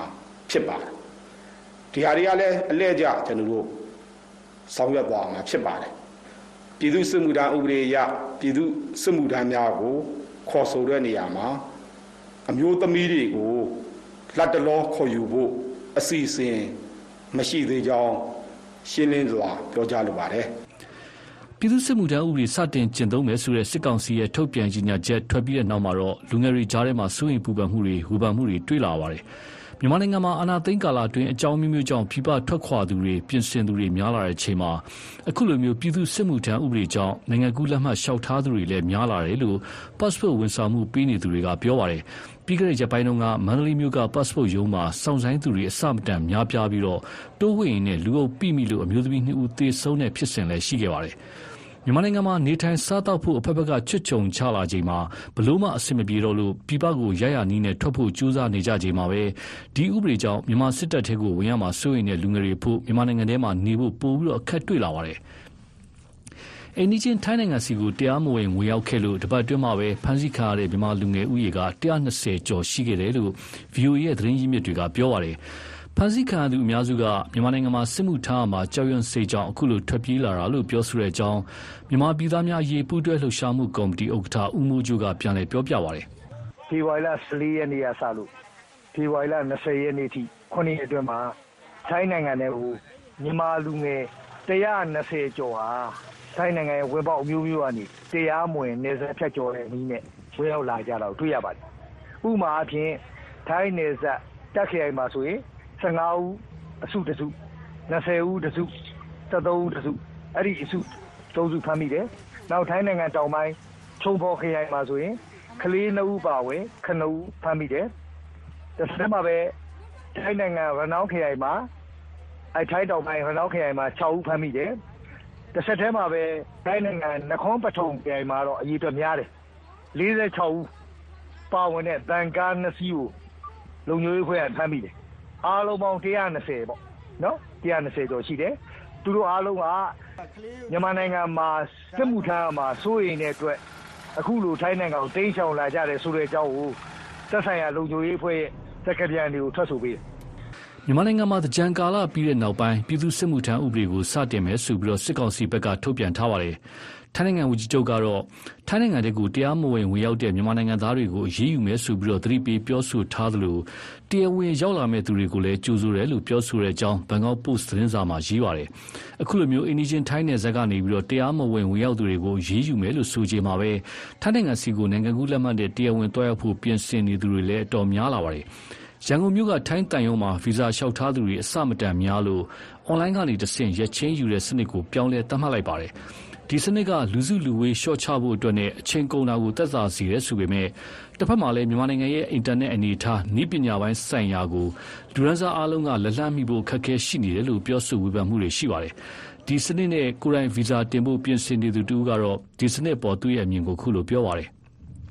ဒီမှာ အင်တာနက်ကလည်း သူကဟိုတက်တစ်ချက် မတက်တစ်ချက်တွေကဒီနေ့စဉ်အပြင်မောများစွာ ဖြစ်တာပေါ့နော်။ကျွန်တော်တို့ အလုပ်လုပ်တာတောင်မှပဲဒီကျွန်တော်တို့အလုပ်တွေအင်တာနက်မရှိလို့ မရဘူးလေ။ဟောလောကကန်ရတာမှတော်တော် အခက်အခဲတွေ တွေ့ရတော့ရှိတယ်။ဒါလည်း သူတို့တွေ ကွန်ပျူတာနဲ့ လုပ်ထားတယ်လို့ပဲ ကျွန်တော်ယူဆပါတယ်။အဲတော့အစီအမပြေအောင်ပေါ့နော်။တနက်ကနေဟိုဗီဇာယူခိုင်းနေကျွန်တော်အနေနဲ့ဆိုရင်ဒါကျွန်တော်ကတော့ဒီ technology friendly ဖြစ်တဲ့အတွက်ကြောင့် အခုဆိုရင်ဘာဖြစ်လဲဆိုရင်ဒီဗီဇာရဖို့ဆိုရင်နေ့တိုင်းပတ်တိုးနေရတယ်လူတွေကတိုင်းရအရှိကြီးပဲချို့ဆိုချိန်နိုင်ပေါင်းများစွာဆောင်ပြီးတော့မှလှုပ်ဆောင်ရတာဖြစ်တဲ့အတွက်ကြောင့်လူရဲ့ပြင်မဲ့နဲ့အချိန်နဲ့ကုန်တယ်နော်အဲအခုလိုဒီ internet ကနေဒီရှင်သွားဖို့အဲလှုပ်ဆောင်ဖို့ရမယ်ဆိုရင်တော့ဒါဟိုတချို့နားရတဲ့ဒီရဲ့ကိုကြီးကြီးမျိုးဆိုတော့ပို့ပြီးတော့မှပြင်ပြနေလို့ဒီစားပါတယ် အာဏာသိမ်းကာလနောက်ပိုင်း စီးပွားရေး ပညာရေး လူမှုရေး အကြောင်းအရာအမျိုးမျိုးကြောင့် ပြည်ပကို ထွက်ခွာသူဦးရေ တိုးချိန်မှာပဲ စစ်မှုထမ်းဥပဒေ ပေါ်ထွက်လာတဲ့ခုကာလကတော့ ပိုပြီးတော့လှုပ်လှုပ်ခတ်ခတ် ဖြစ်လာပါတယ်။ဂျာကလာအမျိုးသားညီညွတ်ရေးအစိုးရ NUG ဘက်ကတော့ စစ်ကောင်စီရဲ့ အခုဒီအသက်သွင်းလိုက်တဲ့ ပြည်သူစစ်မှုထမ်းဥပဒေဟာ တရားဝင်မှုမရှိလို့ ပြည်သူတွေအနေနဲ့ လိုက်နာဖို့ မလိုကြောင်း ထုတ်ပြန်ကြေညာပါတယ်။ကု လသမဂ္ဂလူခွင့်ရေးထူးကိုယ်စားလှယ် Tom Andrews က မြန်မာနိုင်ငံမှာ အရွယ်ရောက်သူတွေ စစ်မှုထမ်းရမယ်ဆိုတဲ့အမိန့်ကြောင့်ချင်းချောက်မှုတွေနဲ့ ရင်ဆိုင်နေရတဲ့ရက်သားတွေကို အကာအကွယ်ပေးနိုင်ဖို့ နိုင်ငံတကာအတိုင်းအဝန်ကကြိုးပမ်းကြဖို့ဆိုပြီးတိုက်တွန်းထားပါတယ်။ မြန်မာနိုင်ငံဆိုင်ရာ ကုလသမဂ္ဂအရာရှိဟောင်းတွေကလည်း စစ်ကောင်စီရဲ့ စစ်မှုထမ်းဥပဒေပေါ်မှာဝေဖန်နေပါတယ်။မြန်မာနိုင်ငံဆိုင်ရာ အထူးကြံပေးကောင်စီ SACM အဖွဲ့ဝင်တယောက်ဖြစ်တဲ့ရန်ကြီးလီကဒီအာနာသိန်းစစ်ကောင်စီဟာကြာရှုံးမှုကို လက်မခံနိုင်တဲ့အတွက် နိုင်ငံရဲ့ မျိုးဆက်သစ်တစ်ခုလုံးကို ပျက်စီးအောင် ဖျက်ဆီးနေတယ်ဆိုပြီးပြောဆိုပါတယ်။ SCCM အဖွဲ့ရဲ့ နောက်တူဖြစ်တဲ့ဒီ Chris Sirodi ကတော့ တိုက်ပွဲတွေမှာ အရှုံးနဲ့ ရင်ဆိုင်နေရတဲ့ စစ်ကောင်စီဟာ ကြံမိကြံရလုပ်တဲ့ အစီအစဉ်တစ်ခုဖြစ် ဝေဖန်ပြောဆိုခဲ့ပါတယ်။ နိုင်ငံတကာအတိုင်းအဝိုင်းနဲ့လေးလာသူတွေရဲ့ဝေဖန်မှုတွေရှိနေပေမဲ့လက်တွေ့မှာစစ်ကောင်စီရဲ့စစ်မှုထမ်းအမိန့်ကိုပြည်သူလူထုကတော့မြေပြင်မှာလက်တွေ့ကြုံရတော့မယ့်အခြေအနေကိုရင်ဆိုင်နေရပါတယ်။ကိုစိတ်နှစ်ပါးလုံခြုံမှုမရှိတော့လို့ရရနီးနဲ့ပြပထွက်ခွာဖို့ပြင်ဆင်နေသူတွေရဲ့ဒီအခြေအနေတွေကိုဒီသတင်းပတ်ရဲ့သတင်းတောက်မှတ်စုအစီအစဉ်ကနေပြီးတင်ဆက်လိုက်ပါတယ်ခင်ဗျာ။ကျွန်တော်သားညွန့်ပါ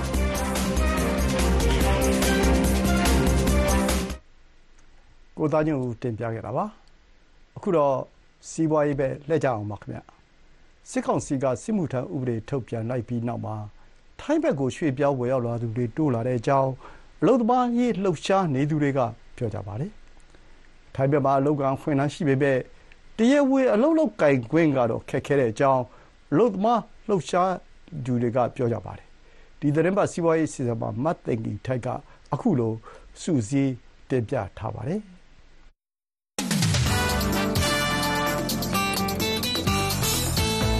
မျိုးသားဆိုရင်အသက်16နှစ်ပြည့်ပြီး35နှစ်မကျော်သေးတဲ့လူတွေအမျိုးသမီးဆိုရင်အသက်16နှစ်ပြည့်ပြီး28နှစ်မကျော်သေးတဲ့လူတွေဖြစ်ပါတယ်။ကျွမ်းကျင်ပညာရှင်တွေများအနေနဲ့တော့အမျိုးသားအသက်16နှစ်ပြည့်ပြီးအသက်45နှစ်မကျော်သေးတဲ့လူတွေအမျိုးသမီးအသက်16နှစ်ပြည့်ပြီးအသက်35နှစ်မကျော်သေးတဲ့သူတွေအားလုံးသည်စစ်မှုထမ်းဆောင်ဖို့အတွက်တာဝန်ရှိပါတယ်။စစ်မှုထမ်းဆောင်မယ့်ကာလကတော့ 24လနှစ်နှစ်ဖြစ်ပါတယ်ကျွမ်းကျင်ပညာရှင်များအနေနဲ့36လ3နှစ်ဖြစ်ပါတယ်စစ်ကောင်စီပြောခွင့်ရဗိုလ်ချုပ်စောမင်းထွန်းကစစ်မှုထမ်းဥပဒေအကြောင်းစစ်တပ်ပိုင်မြဝတီရုပ်သံကထုတ်လွှင့်သွားတာဖြစ်ပါတယ်။ နိုင်ငံတွင်းတိုက်ပွဲတွေပြင်းထန်ပြီးနှစ်ဖက်ထိခိုက်သေဆုံးမှုတွေရှိနေချိန်အရွယ်ရောက်ပြီးအမျိုးသားအမျိုးသမီးတွေစစ်မှုထမ်းရမယ်ဆိုတဲ့စစ်ကောင်စီရဲ့ထုတ်ပြန်ချက်ကြောင့်အရွယ်ရောက်ပြီးစစ်မှုထမ်းရနိုင်ပွဲရှိတဲ့အမျိုးသားအမျိုးသမီးငယ်ရွယ်သူတွေထိုင်းဘက်ကိုနီလန်းမျိုးစုံနဲ့ထွက်ခွာလာကြတယ်လို့ထိုင်းခြေဆိုင်အလုတ်သမားရေးဆောင်ရွက်သူတွေကပြောကြပါတယ်။ဦးမ င်းဦးကတော့ ပညာရေးနဲ့ ဖွံ့ဖြိုးတိုးတက်ရေး ဖောင်ဒေးရှင်း FED ရဲ့ အလုပ်သမားရေးဌာန တာဝန်ခံ ဖြစ်ပါတယ် ကျွန်တော်တို့ ဒီလူတွေရဲ့စာရင်းကိုကျွန်တော်တို့ရဖို့ဆိုလို့ရှိရင်ကျတော့ အင်မတန်ခက်ခဲရဆိုတာ ပတ်ဝန်းကျင်မှာအဲ့ကုနာအလုပ်ရှင်တွေဆိုတာသူတို့ပေးမသိတဲ့အခါကျတော့ အဲ့လိုမျိုးနဲ့ ပတ်သက်ပြီးတော့ကျွန်တော်ကတော့ပုံဝယ်လာတာပေါ့နော် အဲ့တော့ အဲ့ဒီစင်းတိကျရဖို့ကျတော့ ခက်တယ် ဒါပေမဲ့လူကတော့ သိတာပါလေဗျာ အများကြီးပတ်ဝန်းကျင်မှာလူစိမ်းတွေအများကြီးတွေ့လာတာနောက်ပြီးတဲ့အခါကျတော့ကျွန်တော်တို့ဆိုဒီမှာဆိုကြောင်းဆိုရင်ကျွန်တော်ရှေ့ပြောင်းလို့ဒီမှာကလေးတွေစာတင်ကြောင်းကျွန်တော်နှစ်ကြောင်းရှိဆိုတော့ဒီနှစ်ကြောင်းမှာကလေးဦးတွေကတက်လာတယ်နောက်ဒီကြားထဲမှာစာတင်နေတဲ့ကာလဟိုနှစ်လလောက်မှာပဲတခါအခုအချိန်ကြီးရောကလေးတွေကြောင်းအချင်းလို့ပါဆိုတာအများအားလူဆက်ပြီးတော့ဟိုကျွန်တော်တို့စီအကြောင်းကြားမှာတွေ့ရဆိုတော့လူသစ်တွေကတော့ဒါထောက်ထောက်လျှောက်ကြောင်းနေလို့ပြောပြရတယ် ထိုင်းဘက်ကို ဝင်ရောက်လာသူ အများစုက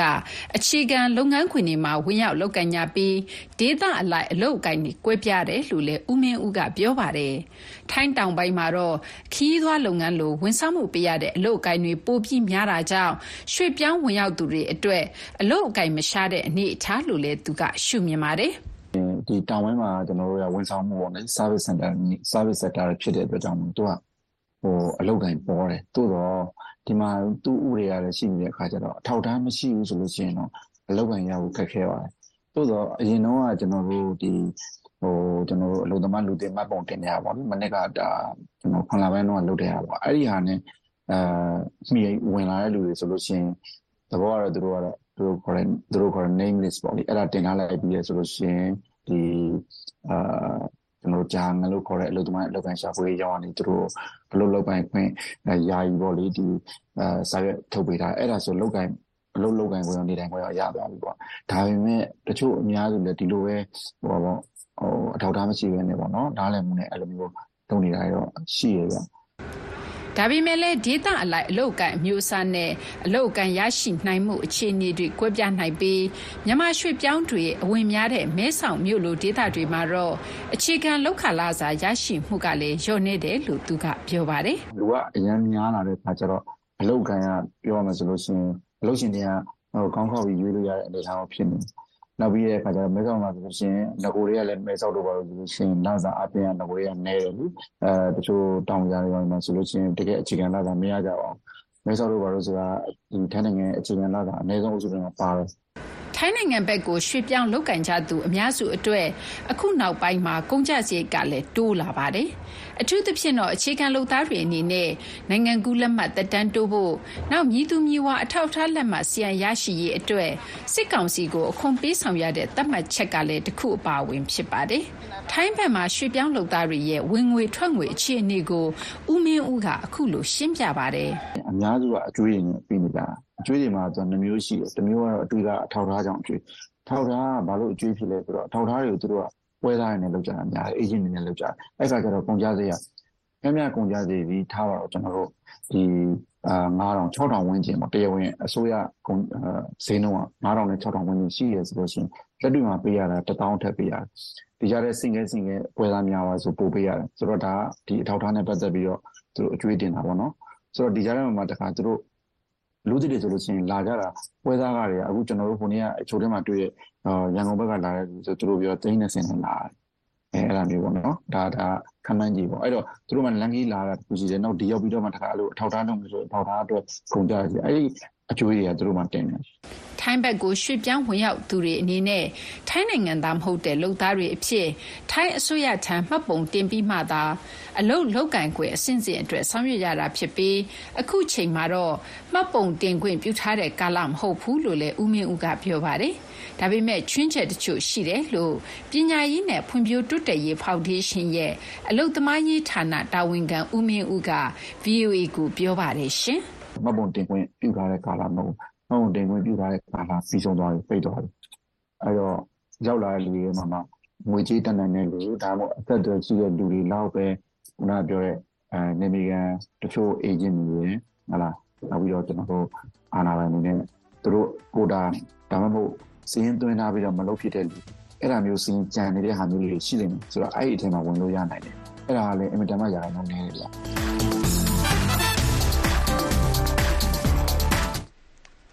မတ်တန်ကြီးထားရဲ့စီးပွားရေးအစီအစဉ်ဖြစ်ပါတယ်အခုထုတ်လွှင့်နေတဲ့အစီအစဉ်တွေကိုရေဒီယိုကနေလည်းလိုင်းဒိုမီတာ31 49နဲ့လိုင်းလမီတာ190ပြင် VOA ရဲ့ YouTube နဲ့ Facebook စာမျက်နှာတွေကလည်းကြည့်ရှုနားဆင်နိုင်ပါတယ်အခုတော့လူမှုရှုခင်းအစီအစဉ်ကိုဆက်ချင်ပါတယ်မြန်မာနိုင်ငံမှာလူငယ်တွေအတွက်လွတ်လပ်တဲ့ရွေးချယ်နိုင်ခွင့်တွေအခွင့်အလမ်းတွေပြန်လည်ပေါ်ပေါက်လာစေဖို့နိုင်ငံတကာမှာရောက်နေကြတဲ့မြန်မာလူငယ်တွေတက်ကြွတဲ့ပညာနဲ့မျှဝေကြိုးစားနေကြပါတယ်။ ဘုသူတတွေဖလှယ်နိုင်ဖို့တန်စင်အိမ် podcast တင်ဆက်နေသူတန်စင်နဲ့မဆုမြတ်မွန်မေးမြန်းပြီးလူမှုရှုခင်းစီစဉ်မှာတင်ပြထားပါတယ်။မြန်မာနိုင်ငံကိုလွတ်လပ်မျှတတဲ့ဒီမိုကရေစီနိုင်ငံပြန်ဖြစ်စေရမယ်ဆိုတဲ့ယုံကြည်ချက်နဲ့ကိုတက်ကျွမ်းတဲ့ပညာနဲ့ဒီຫນွေဦးဒေါ်လာရေးမှာပါဝင်နေကြတဲ့မြန်မာနိုင်ငံကလူငယ်တွေကဘာတော်မှာရှိနေကြပါတယ်။ American ပြည်ထောင်စုနယူးယောက်မြို့မှာနေတဲ့တန်စင်ဆိုရင်လေမြန်မာရေးလုံနေကြတဲ့လူငယ်ချင်းချင်းကြားမှာဗဟုသုတတွေဖလှယ်ပြီးတော့ခွန်အားတွေမျှဝေနိုင်ကြစေဖို့ဆိုတဲ့ရည်ရွယ်ချက်နဲ့ online ပေါ်မှာအတန်လွှင့်တဲ့ဒီတန်စင်အိမ် podcast အစီအစဉ်ကိုဖန်တီးထားပါတယ်။ ရုပ်သံဗီဒီယိုတွေဖန်တီးတဲ့အပိုင်းမှာကျွမ်းကျင်တဲ့သူ့ရဲ့အတတ်ပညာနဲ့မြမအရေးလုပ်နေတာလို့တန်ဆင်ကပြောပါတယ်။ငငယ်တွေကနိုင်ငံသားမှနေသူတယောက်အနေနဲ့မြမအရေးကိုဘာကြောင့်ဒီဇိုင်းမမတ်လုပ်ဖြစ်နေတယ်လဲလို့တန်ဆင်ကိုမေးကြည့်ခဲ့ပါတယ်။ဒီ2021အာနာသိမ်းလိုက်တဲ့အချိန်မှာဟိုတန်ဆင်ရှင်ထဲမှာပေါ့နော်တော်တော်လေးကိုမခံမရနိုင်ဖြစ်ခဲ့တယ်။ဒီသူတို့ကလက်နက်အားကိုးနဲ့ လူတွေကိုမတရားအနိုင်ကျင့်တယ်လို့ခံစားရတာပေါ့နော်ပြည်သူတွေကဒီလောက်တောင်မှသူတို့လက်မခံပါဘူးဆိုပြီးတော့ခါခါတီးတီးဖြစ်နေတာကိုလုံးဝဂရုမစိုက်ဘဲနဲ့ငါတို့လှုပ်ချင်တာလုပ်မယ်နင်တို့ကငါတို့ရဲ့လက်ခုပ်ထဲကရေဆိုတဲ့ပုံစံမျိုးလှုပ်တာကိုဒေါသထွက်တယ်ပေါ့နော်အဲတော်တော်လေးခံပြင်းတယ်နောက်တစ်ခုကကျတော့ဒီပြည်သူတွေကငင်းငင်းချင်းချင်းဆန္ဒပြတာလေအဲ့ဒါကိုသူတို့ဘက်ကအကြမ်းဖက်တဲ့ပုံစံနဲ့စလှုပ်တာအဲ့ဒီလိုမျိုးတုံ့ပြန်တာကိုလေဟိုစိတ်ထဲမှာယုံမုန်းကြီးပေါ့နော်ဖြစ်တာပေါ့ နောက်ပြီးဟိုအရင်တော့ကနေရှင်းလိုက်ရင်လေ social media ရဲ့ကျေးဇူးကြောင့်ဒီတစ်ခေါက်ကဒီသူတို့ရဲ့လူမဆန်တဲ့လုပ်ရက်တွေကိုဟိုအရင်ခေတ်တရားထက်ပို့ပြီးတော့ထင်ထင်ရှားရှားကြီးကိုသိရတယ်မြင်ရတယ်ကြားယုံလေးတွေမဟုတ်ဘူးပေါ့နော်ကိုမျက်စိနဲ့ကိုသိချာမြင်ရတယ်အဲ့တော့အဲ့ဒါတွေကိုအဆုံးသတ်ဖို့ဒီစစ်အာဏာရှင်စနစ်ကိုအမြင့်ဖြတ်မှဖြစ်မယ်ပေါ့နော်အဲ့လိုမျိုးစိတ်ဖြစ်လာတယ်အဲ့တော့ဒီလှုပ်ရှားမှုတွေထဲမှာဒီတော်လှန်ရေးထဲမှာငါတက်နိုင်တဲ့ဘက်ကနေဝိုင်းတွန်းမယ်ဆိုတဲ့စိတ်ဖြစ်ပြီးတော့ဒီလို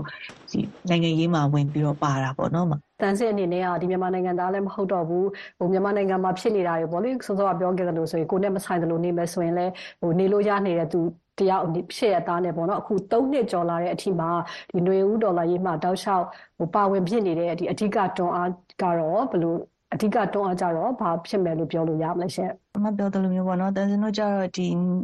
ပြည်ပမှာနေတာတော်တော်လေးလဲကြာပြီနှစ်ပေါင်း20ကျော်ပြီဟိုအရင်ကတည်းကပြည်ပမှာအခြေချနေတာပေါ့နော်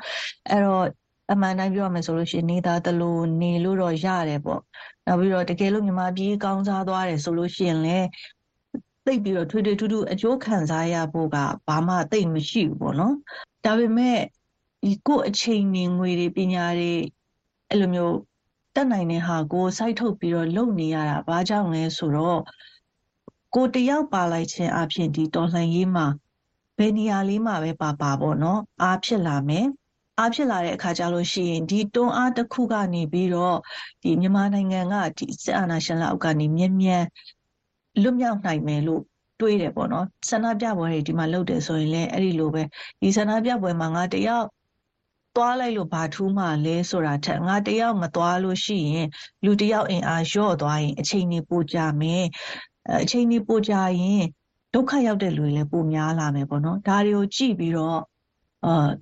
ငါလုံနိုင်တာကိုလုံမယ်ဆိုတဲ့စိတ်တစ်ခုနဲ့အဲ့လိုမျိုးဆွဲအချိန်အချိန်ဂျာကြီးဒီလိုမျိုးဆက်ပြီးတော့လုံနေတာပေါ့နော်အဲ့တော့အခုလက်ရှိပေါ့နော်ဒီတန်စစ်အနေနဲ့ညီမအရင်းနဲ့ပတ်သက်လို့ပုံမှန်အချိန်ပေးပြီးတော့ဘာတွေလုပ်နေတယ်ဆိုတာကိုပြောပြပါလားရှင်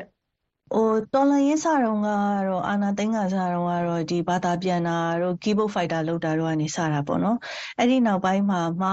လို့တခြားဗီဒီယိုလေးတွေအတန်သွင်းတဲ့အစီအစဉ်လေးတွေမှာပါနေရင်းနဲ့ဟို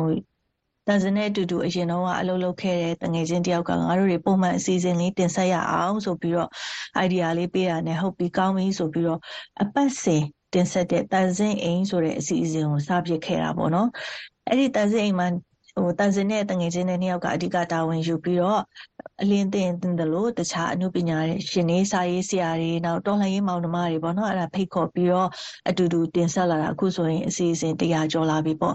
ဒီတန်စင်အစီအစဉ်ကိုမီဇီမာရေဒီယိုမှာအတန်းလွှင့်တယ်အဲ့ဒါအပြင် click to donate ရဲ့ လောလောဆယ်ကတော့ရောင်နေ channel ပေါ့နော် YouTube channel မှာတင်တယ်နောက်အိမ်ပြန်လန်း app မှာတင်တယ်အဲ့တော့ဒီအစီအစဉ်ကနေပြီးတော့စိတ်သက်ခွန်အားတွေအသိပညာတွေရအောင်အားပေးတာမျိုးတွေလုပ်နေတဲ့အပြင်ကိုဒီ YouTube channel တို့ဘာတို့က monetization လုပ်ထားတာဆိုတော့ပတ်စံရတယ်ပေါ့နော်ဒီပတ်စံတွေကလည်းအကုန်လုံးတော်လှန်ရေးတွေကိုပဲစီးဝင်သွားတာဖြစ်တဲ့အတွက်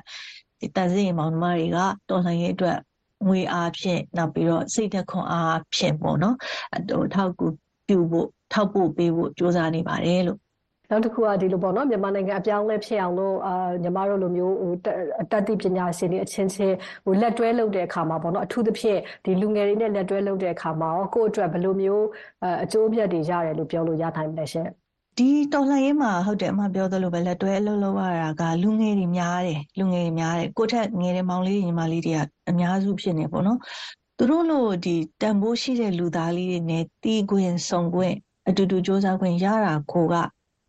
ဒီတစ်ခုတည်းကတင်ဟိုအကြီးမားဆုံးအကျိုးအမြတ်ပဲလို့တန်စင်ကတော့ခံစားရတယ်။နောက်တန်စင်ကအစီအစဉ်တင်ဆက်တဲ့သူဆိုတော့အလုပ်တွဲလုပ်တဲ့လူတွေကလည်းကိုယ်နဲ့နေပေတူတယ်ပေါ့နော်။အဲ့လိုမျိုးအစီအစဉ်တင်ဆက်တဲ့တခြားအစီအစဉ်တင်ဆက်တဲ့သူတွေအတန်တီးဖြတ်တဲ့ပညာရှင်တွေ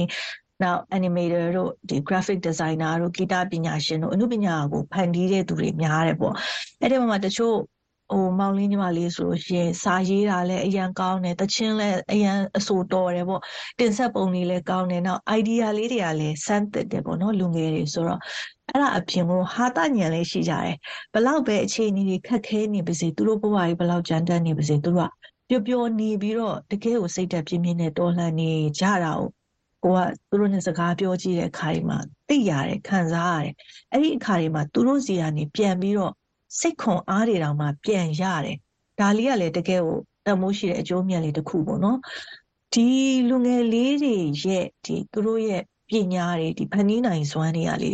ခစ်ကောင်းလို့ရှိရင်တကယ်ကိုတန်ဖိုးရှိပြီးတော့သူတို့ရဲ့အနာဂတ်သူတို့ရဲ့ဘဝလေးတွေကတကယ်လှပမှာဒါတွေကိုသိတဲ့အခါမှာတော်တော်လေးလဲနှမျောတယ်ရင်လင်းနာရတယ်အဲနောက်တစ်ခုကသူတို့ကိုလေးစားတဲ့စိတ်နဲ့ကိုကိုယ်တိုင်လဲပို့ပြီးတော့စ조사ဖို့ခွန်အားတွေရတယ်ပေါ့ တန်ဆင်အိဆိုတဲ့ဒီ online အတန်တွေ podcast လုပ်နေတဲ့ တန်ဆင်ဖြစ်ပါရဲ့ရှင် မြမအရေးလုပ်နေကြသူတွေအချင်းချင်း ခွန်အားတွေဘဟုတုတတွေ ဖလှယ်နိုင်ဖို့အတွက် သူဆက်ပြီးတော့စူးစမ်းသွားမယ်လို့ ပြောပါရရှင် ကျွန်မဆုမြတ်မောင်ပါ မသေးကြမြေယာမှုတွေအပြည့်အပြောင်းလဲတွေများတဲ့ကဘာကြီးမှာ ကျွန်တော်တို့ ကြားသလို မြင်သလို ဖြစ်မလာတဲ့အခါ အမှန်တရားကိုရှာဖွေကြရပါတယ်။သတင်းကိုတစ်ပိုင်းတစ်စပဲကြားသိလိုက်ရရင်ယုံကြည်မှုတွေကိုလက်လွတ်လိုက်ရတာတွေရှိပါတယ်။အကြက်တဲကာလတွေမှာကျွန်တော်ရဲ့အိမ်မက်တွေမျောလင့်ချက်တွေပိုကောင်းတဲ့မနှက်ဖန်တွေကိုတောင်းတမိတာတွေကသတင်းလွတ်လပ်ခွင့်အပေါ်မှာမူတည်နေပါတယ်။ကျွန်တော်တို့ VOA က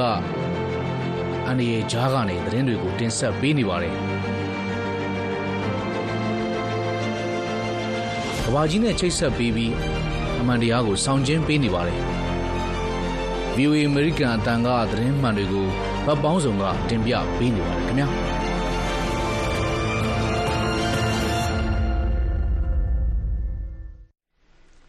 VOA ရုပ်သံကနေပတ်စင်စီစဉ်တွေကိုတင်ဆက်နေပါတယ်။အခုတော့တက်တိုင်အောင်သတင်းလွှာရဲ့အလဲပါ။တောင်ကိုရီးယားကနာမည်ကျော် K-pop အဖွဲ့ဖြစ်တဲ့ Blackpink အဖွဲ့တဲက Jisoo က ကိုယ်ပိုင်ဖျော်ဖြေရေးအေဂျင်စီထူထောင်လိုက်ပါတယ်။ဗြိတိန်ကလန်ဒန်ဖက်ရှင်သီတင်းပတ်အတွင်း Burberry ဖက်ရှင်ရှိုးမှာနာမည်ကြီးတွေတော်တော်များများတက်ရောက်ခဲ့ကြပါတယ်။ဒီလိုနာမည်ကျော်ကြားသူတွေရဲ့အနုပညာသတင်းတွေကိုသက်သက်ရောင်အစီအစဉ်မှာမအေးသန္တာကျော်ကတင်ဆက်ထားတာပါ။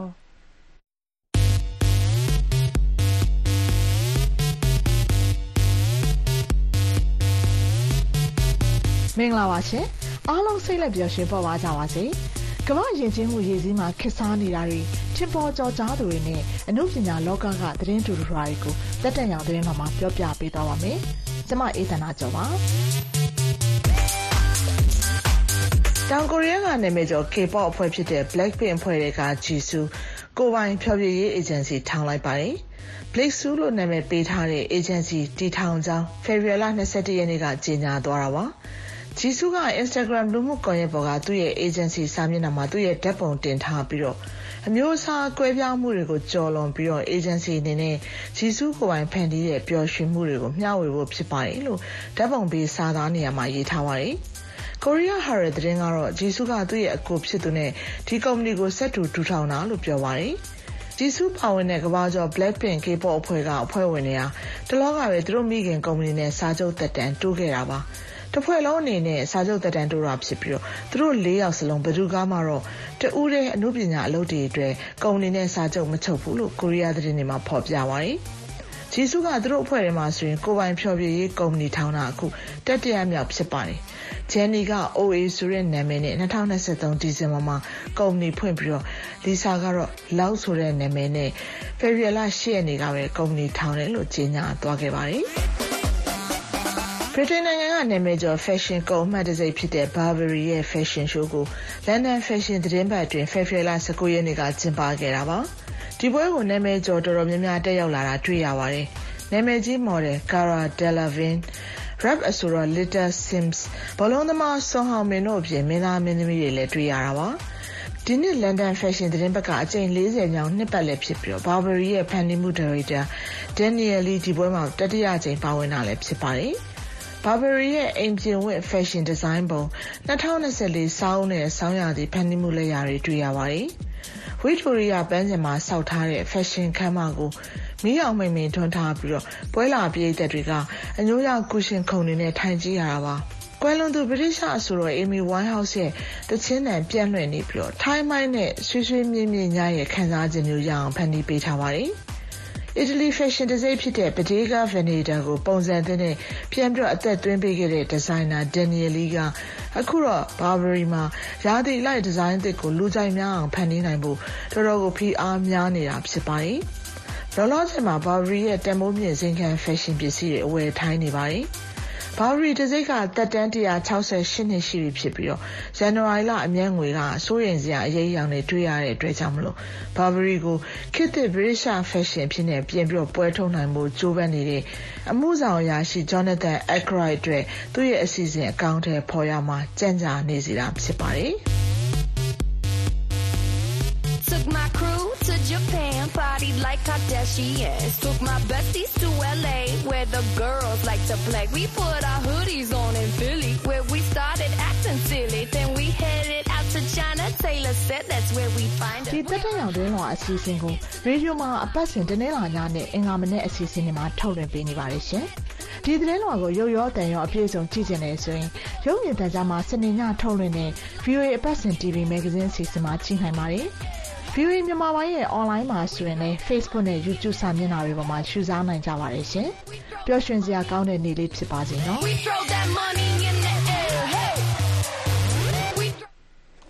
ဒီနေ့အတွက်ပတ်စင်စီစဉ်တွေကတော့ဒီလောက်ပါပဲခင်ဗျာ။အခုတော့သတင်းချင်းချုပ်ကိုပြောပြပေးပါမယ်။